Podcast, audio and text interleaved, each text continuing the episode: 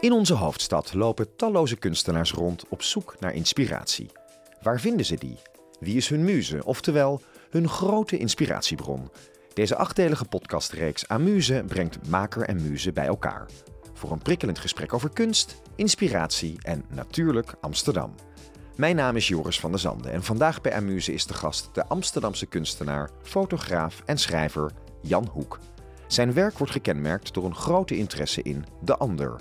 Zo zijn in het universum van Jan de normale mensen de vreemdelingen en de buitenstaanders de funky heersers van deze planeet. Toen we Jan vroegen naar zijn muze, hoefde hij niet lang na te denken. Momenteel is zijn grote inspiratiebron de kunstenaar en sekswerker Levi Jacobs. In deze uitzending ga je horen op welke manier Levi en Jan elkaar ontmoet hebben, hoe hun samenwerking er nu uitziet en hoe de onderwerpen sekswerkers en queerness hen verbindt. Blijf luisteren naar Amuse.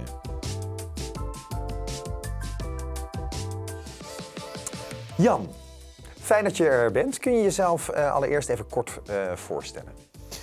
Mijn naam is Jan Hoek. Ik word over twee maanden 40 jaar oud. Um, dat vind ik heel oud. Um, ik ben een kunstenaar en een levenslange babysitter op Bruin Barry. Um, dat is een jongen met een, met, uh, een chromosoom meer. Um, en ik run een kunstruimte en die heet No Limits Art Castle. En ik woon in Amsterdam-West. En je hebt vandaag een muze meegenomen bij deze podcast uh, aan muze. Het gaat natuurlijk over inspiratiebronnen. En wie is dat? Wie is jouw grote inspiratiebron? Um, hij heet Levi Jacobs. En kun je even kort vertellen wie is hij en wat doet hij? Um, ja, eigenlijk mochten we geen andere kunstenaars kiezen en toen heb ik dat toch gedaan. um, maar dat komt eigenlijk omdat ik Levi op zoveel vlakken heb ontmoet waarin hij ook geen kunstenaar was, maar heel veel andere dingen. Uh, dus op dit moment hebben we in No Limits Art Castle een show met alleen maar sekswerkers. En uh, uh, sekswerkers die daar ook over willen praten en daar ook dingen over maken. En, en daar zit Levi in. Maar uh, ik ken Levi ook omdat we in een collectief zitten uh, voor makers met een seksueel misbruikverleden.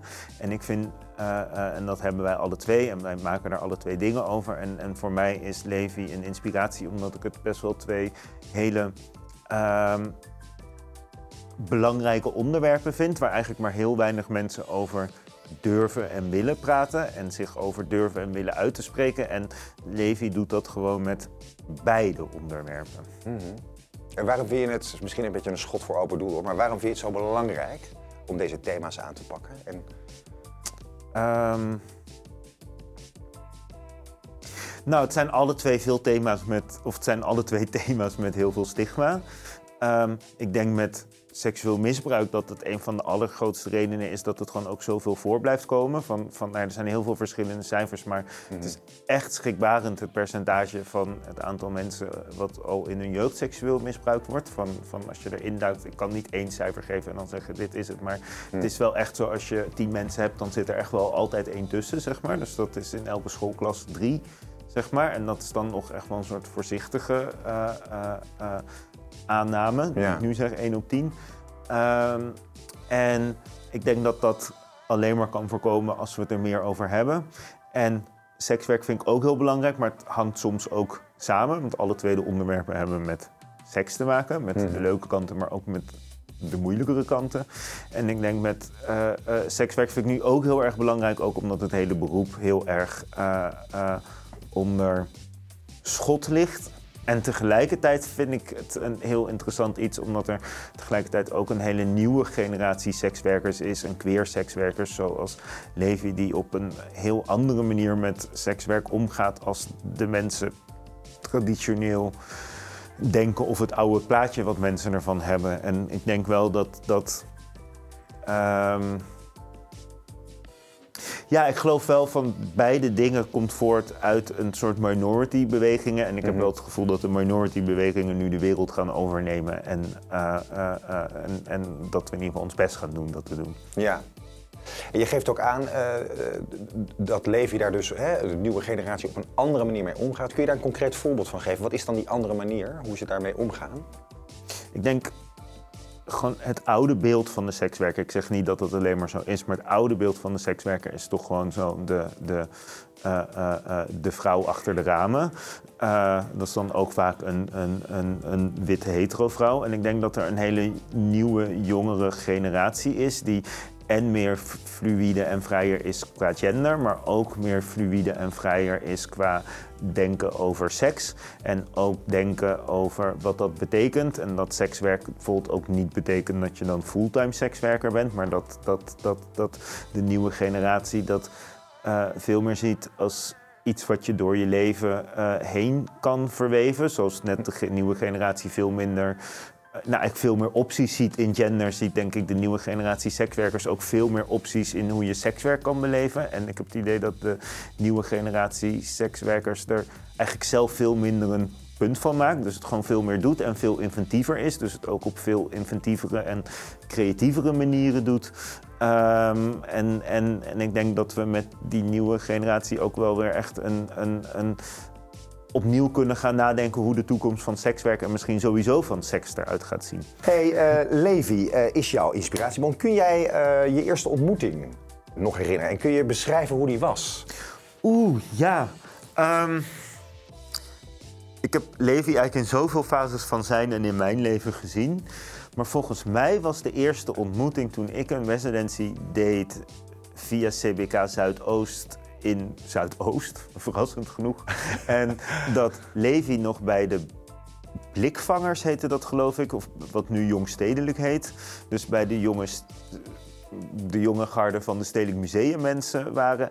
En zij kwamen om een reden met z'n allen naar mijn atelier toe, maar ik weet eigenlijk niet meer wat die reden was. Maar ik weet wel dat ik Levi toen gelijk heel interessant vond en dat hij gelijk eigenlijk ook allemaal vragen stelde die andere mensen niet vroegen. En mij ook gelijk vroeg of ik naar zijn werk wou kijken. En toen ben ik hem een beetje blijven volgen.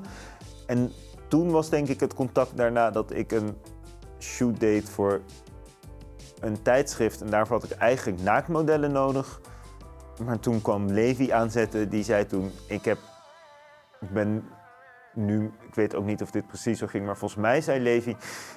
Ik ga niet meedoen als naaktmodel, maar ik heb wel chocoladeversies van mijn tong en anus die je in de shoot kan gebruiken. en die hebben we toen ook in de shoot gebruikt. Levi, welkom. Fijn dat je er bent. Zou jij je eerst even kort willen voorstellen? Uh, mijn naam is Levi Jacobs. Ik word over twee maanden 30. En uh, ik kom uit Amsterdam. Ik ben geboren en getogen Amsterdammer. Je, eh, je bent uitgekozen door Jan als zijn uh, inspiratie, inspirator, muze.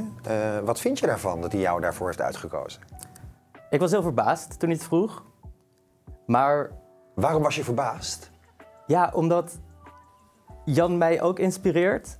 En dat ik dan dacht, wow, dus dat is uh, wederkerig? Of zeg maar, ja, dat, ja dat, dat, hij ziet dus ook iets bij mij wat hem inspireert. Maar dat was ook wel heel bijzonder. En ik voelde hem ook gezien. Ook omdat ik ook maker ben, maar nog wel aan het begin van mijn ja, carrière als kunstenaar, zeg maar. En Jan daar al wel wat meer stappen in heeft gezet, denk ik. En uh, ja, dat is wel heel tof, zeg maar. Dat hij dan in mij dus ook iets ziet wat, waar hij iets aan heeft, zeg maar. Ja, en herken je ook zelf in de woorden die hij omschreven heeft toen ik hem daarna vroeg over jou? Ja, wel, ja, zeker. Ja, ik was, ik was ook wel verbaasd dat hij bijvoorbeeld nog wist dat ik uh, met blikopeners toen in zijn atelier, of zijn tijdelijke atelier toen was geweest in de Zuidoost. Dat was best wel een aantal jaren voor, uh, voordat ik hem voor de tweede keer ontmoette, zeg maar. Dus ik dacht, nou ja, het had ook goed kunnen zijn dat hij dat niet meer wist of zo. Um, maar dat vond ik wel grappig. Ja, mooi. Hey, um, Jan heeft net benoemd uh, dat de nieuwe generatie sekswerkers uh, creatiever zijn dan voorheen. Want ik begreep, jij hebt ook, uh, bent ook betrokken hè, als sekswerker. Zeg ik dat goed eigenlijk? Doe ja. je dat nog? op dit moment heb ik even een sabbatical in het sekswerk vanwege een partner die er nog niet helemaal relaxed mee is. Maar ik heb het meer dan tien jaar gedaan en ik ben ook niet uh, met pensioen, zal ik maar zeggen, ermee. Nee. Dus, uh, nee. Ja. Hij uh, omschreef zo mooi, vond ik zelf, dat de nieuwe generatie sekswerkers creatiever daarmee omgaan dan het, het, het, oude stigma, zeg maar. Of het beeld wat we erbij hebben, of hoe oude of sekswerkers in het verleden. hoe doe je dat? Herken je je daarin, in dat verhaal? Um, of, hoe doe, laat ik het anders vragen, hoe doe jij dat? Nou, ik ben eerst begonnen met seks hebben met, met mannen.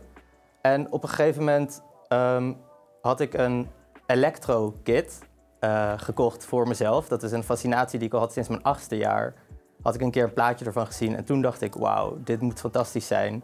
En 18 jaar later had ik mijn eerste set gekocht. En ik moet denken, dat is zeg maar een soort kastje waar batterijen in gaan. En daar kan je allemaal met draden allemaal plakkers op aansluiten. Of een ring of uh, siliconen bandjes. En die kan je dan op het lichaam plakken bijvoorbeeld. En dan kan je met dat kastje kan je daar stroom doorheen laten, uh, ja, laten lopen.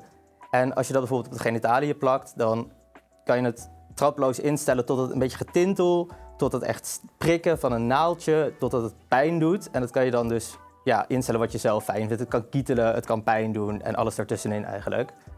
En ik had dat op een gegeven moment meegenomen naar een date, en een gewone date. En die man was zo ongelooflijk dankbaar dat ik dat ding mee had, dat ik dacht, we leven in een kapitalistische samenleving. I see money.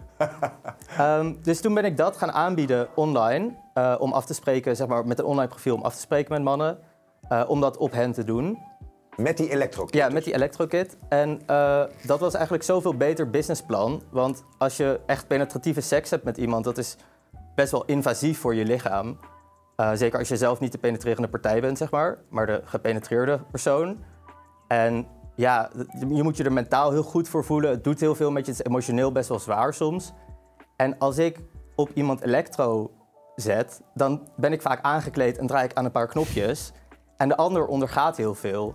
En daarnaast is het ook een veel minder aangeboden dienst, waardoor je er meer geld voor kan vragen. Dus ook in dat opzicht was het gewoon een hele slimme zet. Je bent ook meer in control, kan ik me voorstellen. Ja, als je zeker, ja. zeker ook, ja. Goh. Hey, het, uh, het, contact tussen jou en Jan, hè, want jullie zijn ook echt vrienden van elkaar, wat ik ook begreep van, van Jan. Uh, hoe is het contact nu tussen jullie? Of wat betekent dat contact voor jou? Um, ja, ik denk dat Jan wel een persoon is dat als ik met, met iets zit waarvan ik weet dat hij zich daar ook in herkent, bijvoorbeeld. Ja, ik weet best wel veel van ja, belangrijke dingen in zijn leven en hij van de mijne. Dat ik wel weet van, oké, als ik daarmee zit, dan kan ik Jan bellen en dan, of dan gaan we koffie drinken of zo. En dat heb ik in het verleden ook wel eens gedaan. En dat was heel fijn om dan met Jan over dingen te praten, bijvoorbeeld. Ja, dus je voelt je ook heel erg veilig bij hem om, om, om daarover te praten. Ja, zeker. Ja. En wat bindt jullie nog meer, behalve de kunst en, en, en de sekswerk? Zijn er nog andere thema's die jullie binden? Of? Uh, nou ja, ik denk we zijn allebei queer in Amsterdam. En uh, ja, dat, dat, we allebei niet hetero zijn bijvoorbeeld, dat, dat is al ja, iets waar... Ja, je kan op meerdere manieren niet hetero zijn, maar ik denk dat Jan en ik wel op dezelfde soort inslag queer zijn of zo. En wat is die inslag dan? Uh, nou ja, je hebt, je hebt bijvoorbeeld homomannen die, die zichzelf heel erg strikt, die toch heel erg last hebben van toxische masculinity bijvoorbeeld. Uh, en ik vind Jan en mezelf daar niet e-, een van de mensen van, zeg maar. Een, een soort van manier van, god, hoe leg je zoiets uit? Ja, op een andere manier kijken naar de wereld vanuit je seksuele voorkeur. Het is heel moeilijk uit te leggen. Um, nou, ik begrijp je wel hoor. Ik vind dat je het goed uitlegt wel. Ja, het is gewoon moeilijk om te zeggen, om concreet te vertellen wat voor manier precies. Maar ik denk dat wij heel veel gedachten delen over hoe, hoe wij onszelf zien in deze wereld. Zonder dat we daar echt per se heel erg vaak over praten met elkaar. Mm Ja. Wat ik ook weet, jullie hebben een, uh, een nieuw collectief dat zich richt op kunstenaars met een verleden uh, rond seksueel misbruik. Uh, als ik me niet vergis, hoe uit dit thema zich in jouw werk?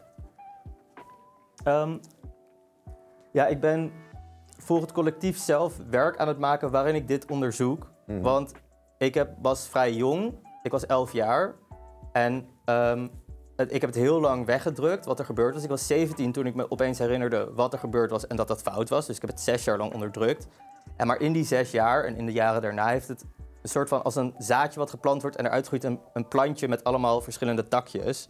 En die takjes die zitten allemaal in mijn persoonlijkheid nu. En dat kan te maken hebben met een destructieve persoonlijkheid, uh, verslavingsgevoeligheid, uh, maar ook de manier hoe ik mezelf zie in relaties met anderen en ook hoe ik mezelf zie in seks en uh, in kunst. En mijn seks en kunst gaan heel vaak over elkaar. dus ik, ik vind het moeilijk om te zeggen in hoeverre het precies in mijn kunst terechtkomt. Maar ja, het is zeker een groot onderwerp. Wat dus, ja, en ik ben dus nu aan het onderzoeken met borduurwerk wat ik, uh, ja, wat eigenlijk precies? Ja, maar je bent er wel heel erg open over. Ja. Dus je hebt ook wel echt een, eh, een behoefte, kan ik me voorstellen, om, om daar mee naar buiten te treden. Eh, maar hoe wordt je werk ontvangen? Ehm, En dan heb ik het specifiek even over dit thema. Mhm, mhm. Ja. Ehm, nou ja, ik weet niet of ik echt een behoefte heb om erover uit te treden. Dat klinkt alsof ik er zelf heel graag over begin. Maar ik denk wel, het, is, het heeft zoveel invloed op mijn leven nu. Dat als ik het niet vertel of er niet over heb, dan verzwijg ik een heel groot deel van mezelf. Hmm. En dat wil ik niet, want ik ben op zich ook wel een open persoon. Ehm, en ik vind ook dat, ja, wat Jan ook eerder al zei, van als we erover zwijgen, dan. Ja, dat, dat, houdt niet, dat maakt niet dat het op gaat houden, zeg maar. Ik weet niet of mijn verhaal gaat zorgen dat het ophoudt, maar het, ja, het helpt in elk geval ook niet om het verstopt te houden. Ehm, en mijn kunst wordt vaak als heel, ja, als pornografisch gezien. Ehm, wat ook weer invloed heeft op ik ben een ander soort kunst gaan maken daardoor. eh, onder andere ook. Ehm, en voor dit project... ehm, ja, mensen vinden het vrij heftig. Ik heb bijvoorbeeld een borduurwerk waar ik een zelfportret had gemaakt... nadat iemand me een blauw oog had geslagen. En dat, dat zie je vrij heftig, zeg maar. Op een date was dat. Dus mensen vinden dat heel heftig, maar het is ook... Ja, ik, ik, ja, ik weet niet. Ik maak gewoon wat me, wat me is overkomen, zeg maar. Voor mij is dat helemaal niet meer heftig. Voor jou is het ook een soort. Het komt gewoon, zeg maar. Jij moet het zeg maar, als kunstenaar naar buiten brengen. Op Ja, manier. het is ook zeker ook een manier van het verwerken. Want ik ben gewoon 30 uur bezig met één borduurwerk. Hm. En dat is een soort EMDR, zeg maar. Ik ben gewoon steek voor steek heel langzaam erover aan het nadenken. En, en op die manier verwerk ik het ook. Dus jouw werk, is, hè, jouw werk wordt ook, dat zeg je net, als pornografisch gezien. Het, het roept heftige reacties op. Wat doet dat? Ben je daarmee bezig als kunstenaar? Of, of juist niet? Of is het je daar om te doen? Bijvoorbeeld ook dat mensen die reactie krijgen? Of... Het is me er niet om te doen, maar ik vind wel dat mensen er een beetje te heftig op reageren. Zeg maar bijvoorbeeld een, een ander project van mij, daar tekende ik ehm piemelteken, piemelfoto's die ik via Grindr kreeg, begon ik te tekenen. En dat was best wel realistisch. En daarvan is dus gezegd op mijn opleiding op de kunstacademie, dit is, dit is porno en dit gaan we niet laten zien op de open dag. Is er een poster overheen gehangen in de gang en zo. Ehm, en dan denk ik dat het, het is zo'n overdreven reactie, omdat sorry, maar bijna iedereen heeft wel eens een stijve penis gezien. Eh, en, en waarom, als ik daar een tekening van maak, is het opeens porno. Maar als, ik bedoel, L'Origine du Monde, dat is een schilderij van een vrouw waarbij je vol in haar eh, vulva kijkt, zeg maar. Dat is opeens echt super belangrijke kunst. Ja, sorry, maar ik zie niet echt een duidelijk verschil daartussen. Dus het gaat eigenlijk ook weer, waar we het net ook in het gesprek met Jan over had, over het normaliseren eigenlijk van ook dit soort beelden. Waar mensen in eerste instantie misschien aanstoot aan kunnen nemen. Zeg ik Ja. dat goed? Of? Ik weet niet, kijk, het normaliseren dat maakt me eigenlijk niet zo heel erg veel uit. Ik ben begonnen met die piemeltekeningen omdat mijn vader plotseling was overleden en ik ongelooflijk depressief was. En dat ging oplossen door op Grindr te gaan en te daten met mensen. Dat was mijn manier van coping. Niet per se een gezonde manier, maar hè, ik ging op die, op, toen op die manier mee om. Dus voor mij gaat die piemeltekening over de dood van mijn vader. Maar die connectie, daar hebben mensen niet eens meer oren naar. Want ze zien een piemel, dus het is porno, dus het is plat en het gaat nergens over. En ja, ik vind dat is wel een gedachte die, die best wel goed gewoon weg kan, zeg maar. Ja. Dus eigenlijk zijn mensen heel kortzichtig. Ja, ja, ja. Ehm, jullie zijn alle twee Amsterdammers. Eh, in hoeverre laat je je inspireren door, je, eh, door de stad, door Amsterdam in je werk? Hoe is dat voor jou, Levi? Eh, ik heb in mijn artist bio staan dat, ik mijn, dat mijn werk onderzoekt hoe ik me in de contemporaire homocultuur van Amsterdam bevind. Met heel veel mooie woorden. Maar eh, ik zie me, ja, omdat ik, ik kan mezelf niet loskoppelen van Amsterdam. Omdat ik hier ben geboren. Ik heb in de hele stad gewoond. Dus per definitie inspireert het mij op heel veel manieren die ik niet eens kan benoemen, denk ik. Wat zei je nou net over de homo-wereld? De contemporaire homocultuur van Amsterdam en hoe ik me daarin plaats en voorzie, zeg maar. Ja. En wat bedoel je daarmee? De contemporaire homocultuur? Nou, bijvoorbeeld, seks is een groot onderdeel van mijn, van mijn werk. En ik eh, heb mijn seksualiteit ontdekt in Amsterdam. Op dating apps bijvoorbeeld. En, en eh, dat speelde zich bijna allemaal af binnen de, ja, binnen de, binnen de ring, zal ik maar zeggen. Mhm. ja. Dus dat heeft mij heel erg gevormd en daarmee ook weer mijn kunst. ja. En hoe is dat voor jou, Jan? Ja, ik weet niet of ik Amsterdam nou echt alleen maar zo inspirerend vind. Want ehm, het is wel gewoon ja, binnen Nederland dan denk ik wel de stad waar je gewoon heel veel interessante mensen hebt. Maar ik moet ook wel vaak zeggen dat als ik over straat fiets, Dat ik denk, my god, wat ziet iedereen er saai uit in Amsterdam. en, en, en wat was dat anders toen ik net naar Amsterdam kwam, zeg maar, toen, toen ik was 12 en het was begin jaren 90. En toen zag iedereen er nog zo wild uit. En nu vind ik dan wel de Gen Z-generatie eigenlijk weer heel leuk.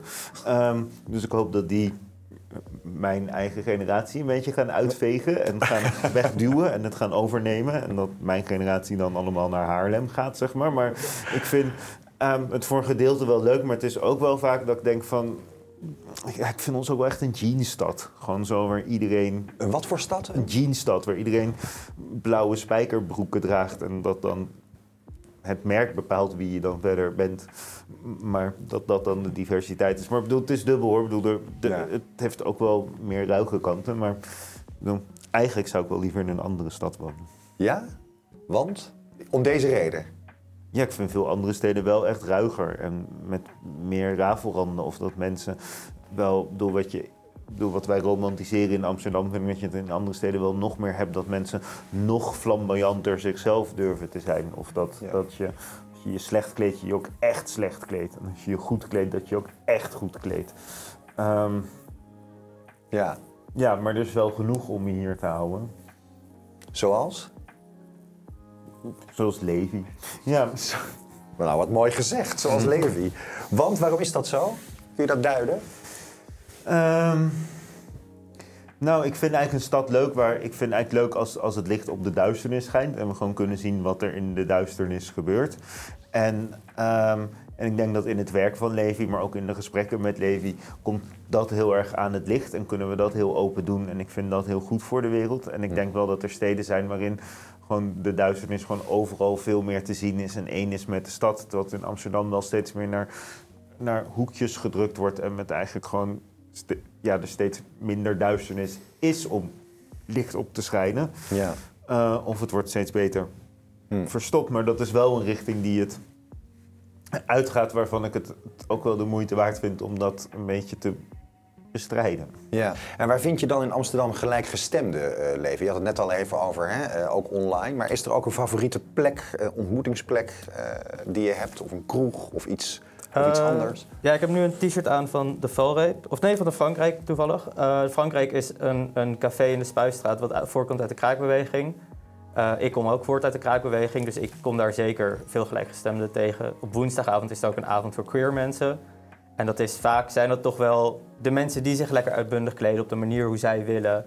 En uh, mensen die vechten ook om te mogen zijn wie ze, wie ze willen zijn, of eigenlijk wie ze gewoon zijn. Uh, dus dat is bijvoorbeeld een plek waar ik altijd heel veel leuke mensen tegenkom en mensen ontmoet ook. Maar ja, ook dat soort plekken verdwijnen steeds meer. Ik moet wel zeggen dat ik zelf heel veel hoop heb voor de nieuwe licht- en kraakbeweging. Want die is, uh, ja, er is vorig weekend is er nog weer een band gekraakt aan de Prinsengracht, eh, waar ze allemaal dingen willen organiseren. En uh, dat is ook de enige manier hoe je als jongere nog aan huis komt. Dus ik zie daar wel een soort van opening voor heel veel nieuwe plekken en nieuwe ontmoetingsplekken. Ja. Hoe is dat voor jou, Jan? Heb jij, heb jij een ontmoetingsplek of een favoriete plek in de stad waar je gelijkgestemden tegenkomt? Nee, maar ik hou ook niet zo van gelijkgestemden tegenkomen. um, Want, waarom is dat? Ja, eigenlijk hou ik gewoon helemaal niet zo heel erg van heel veel mensen om me heen. Um, dus ik denk dat mijn favoriete plek uiteindelijk toch gewoon mijn huis is op het moment dat niemand met me praat. Ehm, maar tegelijkertijd vind ik het natuurlijk wel belangrijk. Ik vind het wel belangrijk dat er juist plekken zijn ook waar heel veel verschillende mensen komen. Dus dat is bijvoorbeeld gewoon de plek die we zelf creëren met Anonymous Art Castle. Ik vond dat ook heel leuk met de opening. Dat je dan ziet, omdat we al zo lang werken met verschillende communities en dat die allemaal door elkaar heen lopen. Dus dat ook op de sekswerkershow er dan ook allemaal mensen met Down syndroom komen. Er ook allemaal crip mensen komen. Er ook allemaal uh, uh, uh, echt verschillende scenes door elkaar heen lopen. En dat we zo vaak openingen hebben waar je dan aan de ene kant allemaal omaatjes hebt van 70 en aan de andere kant allemaal hele jonge uitgedoste queer mensen. En dan allemaal mensen met, met, met, met uh, uh, bijvoorbeeld een beperking. En dat dat dan allemaal door elkaar heen loopt. Van, daar word ik dan wel even gelukkig van. Ja, snap ik. Als ja. ik weer vroeg naar huis mag. Hey, jullie zijn ook bezig met een uh, gezamenlijk nieuwe expositie in uh, No Limits Art Castle. Kunnen jullie daar iets meer over vertellen? Leef? Um, of jij... De nieuwe expositie is niet in No Limits Art Castle. Dus okay. uh, wij zijn alle twee onderdeel van een collectief en dat heet SAAK. En dat staat voor Sexual Abused Artist Collective Amsterdam. Ehm, en we komen eigenlijk al twee jaar bij elkaar met een groep van, ik denk rond de twintig mensen die allemaal makers zijn en die allemaal zo'n geschiedenis delen. En we hebben schrijvers, we hebben eh, eh, eh, hele jonge mensen, we hebben hele oude mensen, we hebben al best wel heel gearriveerde mensen, we hebben mensen die net kunst gaan maken. En, en, en we werken nu, nou we praten met Amsterdam Museum als een partner erin, maar we gaan ook met de domeinen in, niet in Amsterdam, in, in de metropool Sittard. Ehm, gaan we dan een show doen eh, eh, die daarover gaat. Eh, dus er komt wel een show aan, maar het is, het is Ja. niet een No Limits Art En nog even om extra te benadrukken, Ja. dat zijn dus allemaal kunstenaars, mensen die te maken hebben gehad met, en je moet me maar corrigeren als ik het fout zeg, seksueel misbruik onder hun 18e levensjaar. Ja, zeg ik precies dat. ja. Ja, En dat zijn verschillende invalshoeken van kunstenaars. ja. Ja. dus we hebben schrijvers, we hebben visuele kunstenaars, we hebben iets meer performance kunstenaars, eh, we hebben eh, schilders, we hebben videokunstenaars. Dus dat zijn echt heel veel verschillende mensen. En eigenlijk, ik weet niet wat ik hier interessant aan vind, is dat ook deze kunst heel vaak is weggezet als traumakunst of niet echte kunst. Of dat komt er met therapie uit. Of het, of, of, en als je het in je eentje er kunst over maakt, ben je best wel kwetsbaar. Maar juist met een groep zijn we toch ook wel een beetje van bang. Van, van Ja. ja. we zijn ook gewoon met heel veel. Van, Ja. Eigenlijk zijn we helemaal geen minderheid. Eigenlijk zijn de, de mensen die seksueel misbruik hebben meegemaakt onder hun achttiende echt een mega grote groep. Alleen de mensen Hmm. die erover willen praten zijn een minderheid. Ja. En wat, wat wil je dan bereiken bij het publiek bijvoorbeeld, met zo'n collectief? Of wat wil je dat, gaat het om, om iets bespreekbaar te maken? Of? Eh, Ik hoop, ik hoop tenminste dat als, als iemand mijn werk of ons werk ziet daar, dat hij een soort van ook herkenning en zo van. Ik ben niet, want ik heb heel lang het gevoel gehad dat ik nou niet de enige was, maar wel dat het amper voorkomt. En Mhm. daar heel erg wel met mezelf mee heb gezeten, zeg maar. Ja. En ik hoop dat iemand naar die expo komt bijvoorbeeld en dan denkt, ja, verdorie, weet je wel, het, het, het was niet oké, maar eh, ja, misschien ook kan zien hoe, hoe het nu met diegene gaat, dat het hopelijk dan beter gaat of zo. En dat hij gewoon niet het gevoel heeft dat hij er alleen mee hoeft te dealen. En misschien kan het dan een gesprek op gang brengen met die persoons omgeving. Maar misschien is het alleen het zien ervan al genoeg. Of ja, zoiets.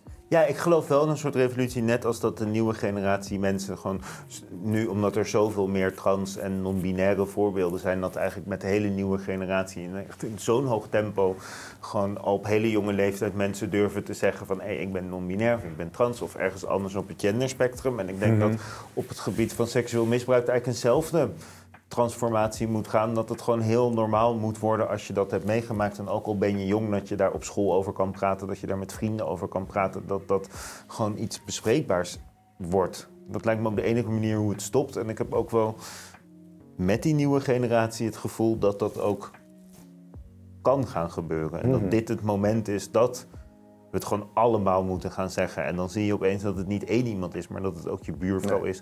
Dat het ook, ook, ook, ook, ook je oma al bleek te zijn. Dat het ook je vader was. Of dat, dat, dat gewoon zoveel meer mensen, dat, dat misschien vijf van je beste vrienden dat meemaken. Van, het is echt van, bedoel, ik zei de minimale schattingen waren 1, 1 tot 10. Maar er zijn ook cijfers die zeggen 1 op de drie kinderen maakt het mee. Of één Het de dus eigenlijk iets in gang. Het zet eigenlijk Ja. een soort beweging in gang. Ja, Ja. Ja. Mooi, mooi gezegd. Ik denk ook eh, ja, dat, het, dat het belangrijk is wat, wat jullie doen, zeker met deze uitingsvorm.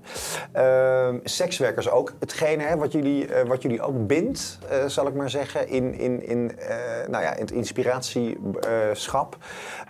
En sekswerk in het centrum van Amsterdam wordt natuurlijk op verschillende manieren bevraagd momenteel.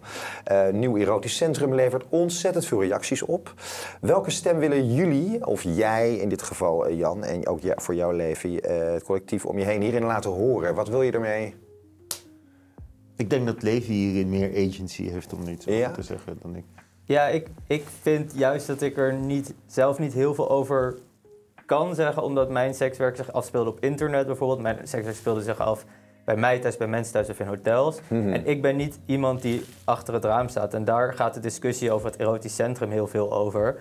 Het Ja. wat ik wel weet van eh medesekswerkers die wel achter het raam staan, of eh, organisaties die zich hard maken voor de mensen die daar werken, die zijn tegen het erotisch centrum. En buurtbewoners daar zijn, die ik ken, zijn ook vaak tegen het erotisch centrum. En dan denk ik, dat zijn de mensen waar het over gaat.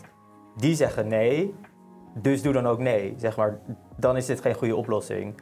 Maar Eh. zeg je er nu mee dat en de sekswerkers erop tegen zijn, maar dus ook de bewoners erop tegen zijn? Ja, ik ken, ik ken veel bewoners van het centrum. Mijn atelier is in, op de Wallen. En de buren daarvan die hebben zoiets van...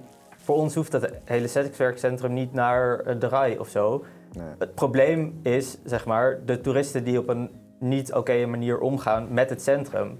Maar dat is ook met de sekswerkers, maar ook met Ja. het pissen in de portieken. Of, weet je wel, het is gewoon zo'n enorme golf van toeristen. Ja. En alleen de sekswerkers daaruit isoleren en, en in een verdomhoekje zetten ergens aan de rand van de stad, gaat dat probleem niet oplossen. En het stigmatiseert alleen de sekswerkers veel meer. En het maakt hun werk lastiger. Het probleem wordt niet opgelost. Maar ja, nogmaals, ik, ik, ben ook niet iemand die belanghebbende is of van dit hele, deze hele situatie. Maar ja, dit is wat ik hoor van mensen. En dan Ja. denk ik, ja, luister dan naar die mensen. Ja. Nee, maar je vindt er wel wat van, want je ik bent vind, er wel ja, ik vind er wel wat van. Ja. Ik vind dat de, dat, dat de gemeente moet luisteren naar de inwoners. Maar ja, Ja, de gemeente heeft gewoon het centrum in de uitverkoop gezet.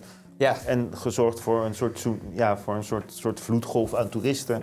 En Mhm. nu hebben ze al die toeristen. En nu komen ze erachter. Het is eigenlijk helemaal niet zo leuk nu we zoveel toeristen hebben. Ja. En in plaats, nou ja, ze proberen natuurlijk ook wel een beetje die toeristen te weren. Maar, maar nu hebben ze iets bedacht waar eigenlijk de sekswerkers de dupe van worden.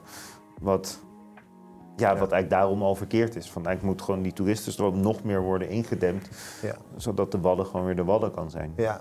Maar hoe staat er dan in algemene zin in deze stad met de acceptatie van sekswerk? Want ik weet ook dat Pride tegenwoordig eh, een dag in het leven heeft geroepen om, om sekswerk eh, over het voetlicht te brengen, of in ieder geval wat meer eh, naar voren te halen. Hoe zit het met de acceptatie op dit moment van sekswerk? Ik denk dat het heel wisselend is. Je hebt, je hebt ook mensen die. Ja, het is gewoon sowieso ook het idee van wat sekswerk is. Wat Jan eerder ook al zei: van heel veel mensen denken bij sekswerk aan een heteroseksuele vrouw achter het raam. Sommige mensen denken zelfs aan een vrouw achter het raam die daar tegen haar wil staat. Hm. Dat dat sekswerk is, dat is een vergelijking die ik heel vaak hoor. Dat is geen sekswerk, dat is mensenhandel. Super fout, super verboden. Helemaal terecht dat dat fout en verboden is. Maar sekswerk is zoveel meer en zoveel breder. En heel veel mensen denken daar niet over na. En ik snap dat als je sekswerk ziet als mensenhandel, dat je daarop tegen bent. En dat, ja, dat versterkt ook het stigma op sekswerk. Ehm, en ik, ik denk wel dat zodra mensen weten wat het ook kan zijn, wat de andere kant kan zijn, wat de mensen die het wel voor hun lol doen bijvoorbeeld, Ja. dat dan de acceptatie wel hoger is. Want we zitten wel, ik denk in een tijd waarvan mensen zoiets hebben van ja, doe maar een beetje eigen ding zolang ik er maar geen last van heb. En als je dat doortrekt op, op mensen die sekswerk doen, dan, dan is daar eigenlijk geen probleem, zou ik maar zeggen. Nee, nee. En stel, eh, Jan, ik heb even een gewetensvraag voor je. Jij bent eh, burgemeester van deze stad. Ja, natuurlijk. Wat zou jij veranderen in Amsterdam? Ten aanzien specifiek bijvoorbeeld over dit thema, sekswerk. Zou je daar iets in veranderen? Ja, ik zou wel nog radicaler zijn tegen de hoeveelheid toeristen eh, die er komen. Ik zou eigenlijk inderdaad naar sekswerkers luisteren en verschillende soorten sekswerk meer plek geven. Dus ik ben eigenlijk juist voor een seksualisering van de stad. Dus waar eigenlijk juist alle seks steeds onzichtbaar moet worden, vind ik juist dat, dat in alles en ook in het design en in alles juist de seks steeds zichtbaarder moet worden. En we ons daarmee ook echt moeten gaan profileren. En dat we gewoon zeggen van, nou ja, de binnenstad, dat, dat, dat hebben we voor de traditionele raamwerkers. Hoe gaan we nu zorgen dat we al die andere sekswerkers zichtbaar maken? Ja, wat mooi. Mooi gezegd. Eh, welk advies zou jij Amsterdam als stad willen geven, Levi? Vanuit jezelf, vanuit dit thema. Eh, laat me denken. Je mag er even rustig over nadenken hoor. Ik denk. Ja, ik denk de- eigenlijk, ik sluit me best wel aan bij wat, wat burgemeester Jan zegt. Zeg maar, van, eh, dat je inderdaad gewoon lo- los moet kijken naar, naar een groep als één geheel. En dan spreek met drie mensen uit die groep. Want de groepen zijn super verschillend en super. eh, ik bedoel ook, mensen gooien ook de LHBTQI-community als één groep. Daar hadden we het net al even heel kort over. Maar ook die groep is heel verschillend. En probeer gewoon met meer mensen te spreken uit verschillende groepen. En ook juist de mensen te spreken die bijvoorbeeld mensen van kleur die al in bijna geen enkele groep een stem krijgen. Weet je wel? Ehm, mensen uit gemarginaliseerde groepen. eh, mensen met een migratieachtergrond, weet ik veel. Hmm. Binnen het sekswerk, binnen de, ja, elke gemarginaliseerde groep. Want ik denk, dan kom je op echt andere ideeën dan die je al hebt. Ja. Want de hele gemeenteraad is bijna cisgender, is bijna ja, voor het grootste gedeelte wit, is voor het grootste gedeelte heteroseksueel.